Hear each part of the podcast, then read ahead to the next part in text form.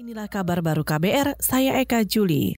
Saudara, sebanyak empat poin disepakati dalam pertemuan antara Aliansi Mahasiswa dengan Sekjen DPR Indra Iskandar usai aksi unjuk rasa menentang pengesahan revisi Undang-Undang KPK dan revisi Kitab Undang-Undang Hukum Pidana. Ketua Badan Eksekutif Mahasiswa Universitas Indonesia Manik Margana Mahendra mengatakan Sekjen DPR Indra Iskandar berjanji menyampaikan keinginan mahasiswa untuk bisa bertemu wakil rakyat untuk menyampaikan penolakan pengesahan dua rancangan undang-undang itu sebelum 24 September.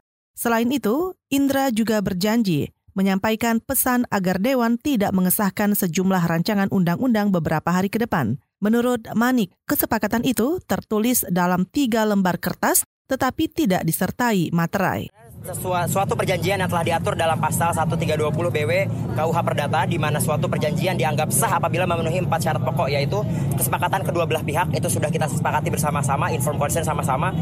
Kemudian kedua kemampuan atau kecakapan melakukan perbuatan hukum itu juga tadi sudah kita pastikan sampai mana fungsi dan ranah perannya dari sekretaris jenderal itu sendiri.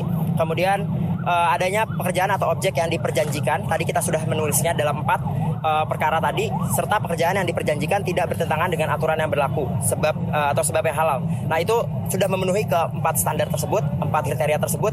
Nah, Ketua BEM UI Manik Margana Mahendra menambahkan, Sekjen DPR juga berjanji bakal melibatkan mahasiswa dan masyarakat sipil di tiap pembahasan rancangan undang-undang yang belum disahkan.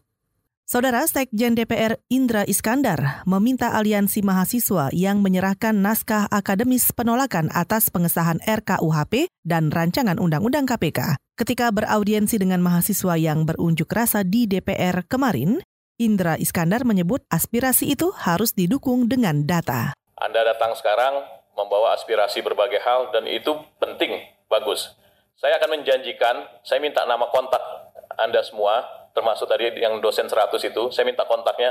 Saya pastikan pembahasan RUU ke depan saya akan undang Anda untuk bicara dalam konsep akademis.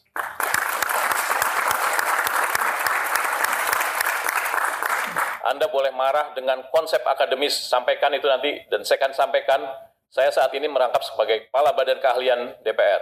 Jadi semua disampaikan dengan naskah akademis, bukan dengan cara marah. Sekjen DPR Indra Iskandar berjanji akan mempertemukan aliansi mahasiswa dengan pimpinan DPR.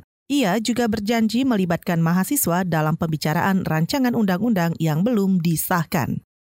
Bank Indonesia menurunkan suku bunga acuan 25 basis poin menjadi 5,25 persen. Gubernur Bank Indonesia Peri Warjio mengatakan kebijakan ini diambil untuk merespon ketidakpastian global. Kata dia, ketegangan perang dagang antara China dan Amerika Serikat memengaruhi ekonomi dunia. Memutuskan untuk menurunkan BI 7D reverse repo rate sebesar 25 basis point menjadi 5,25 persen. Suku bunga deposit facility turun sebesar 25 basis point menjadi 4,5 persen.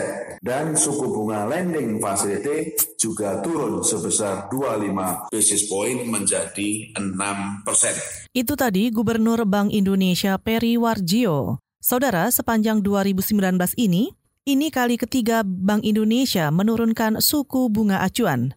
Pada Juli lalu, suku bunga diturunkan 25 basis poin dari 6 persen menjadi 5,75 persen. Selanjutnya, Agustus turun ke level 5,5 persen. Terakhir, September ini, Bank Indonesia kembali memangkas suku bunga sebanyak 25 basis poin. Enam wakil Indonesia hari ini bakal bertarung di babak perempat final kejuaraan bulu tangkis China Open 2019.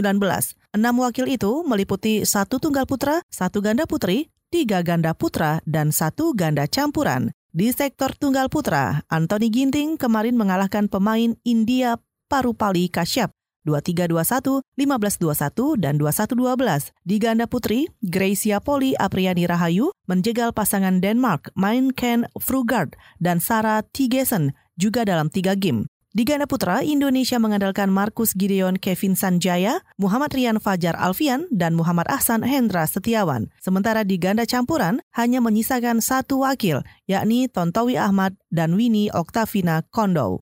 Saudara demikian kabar baru, saya Eka Juli.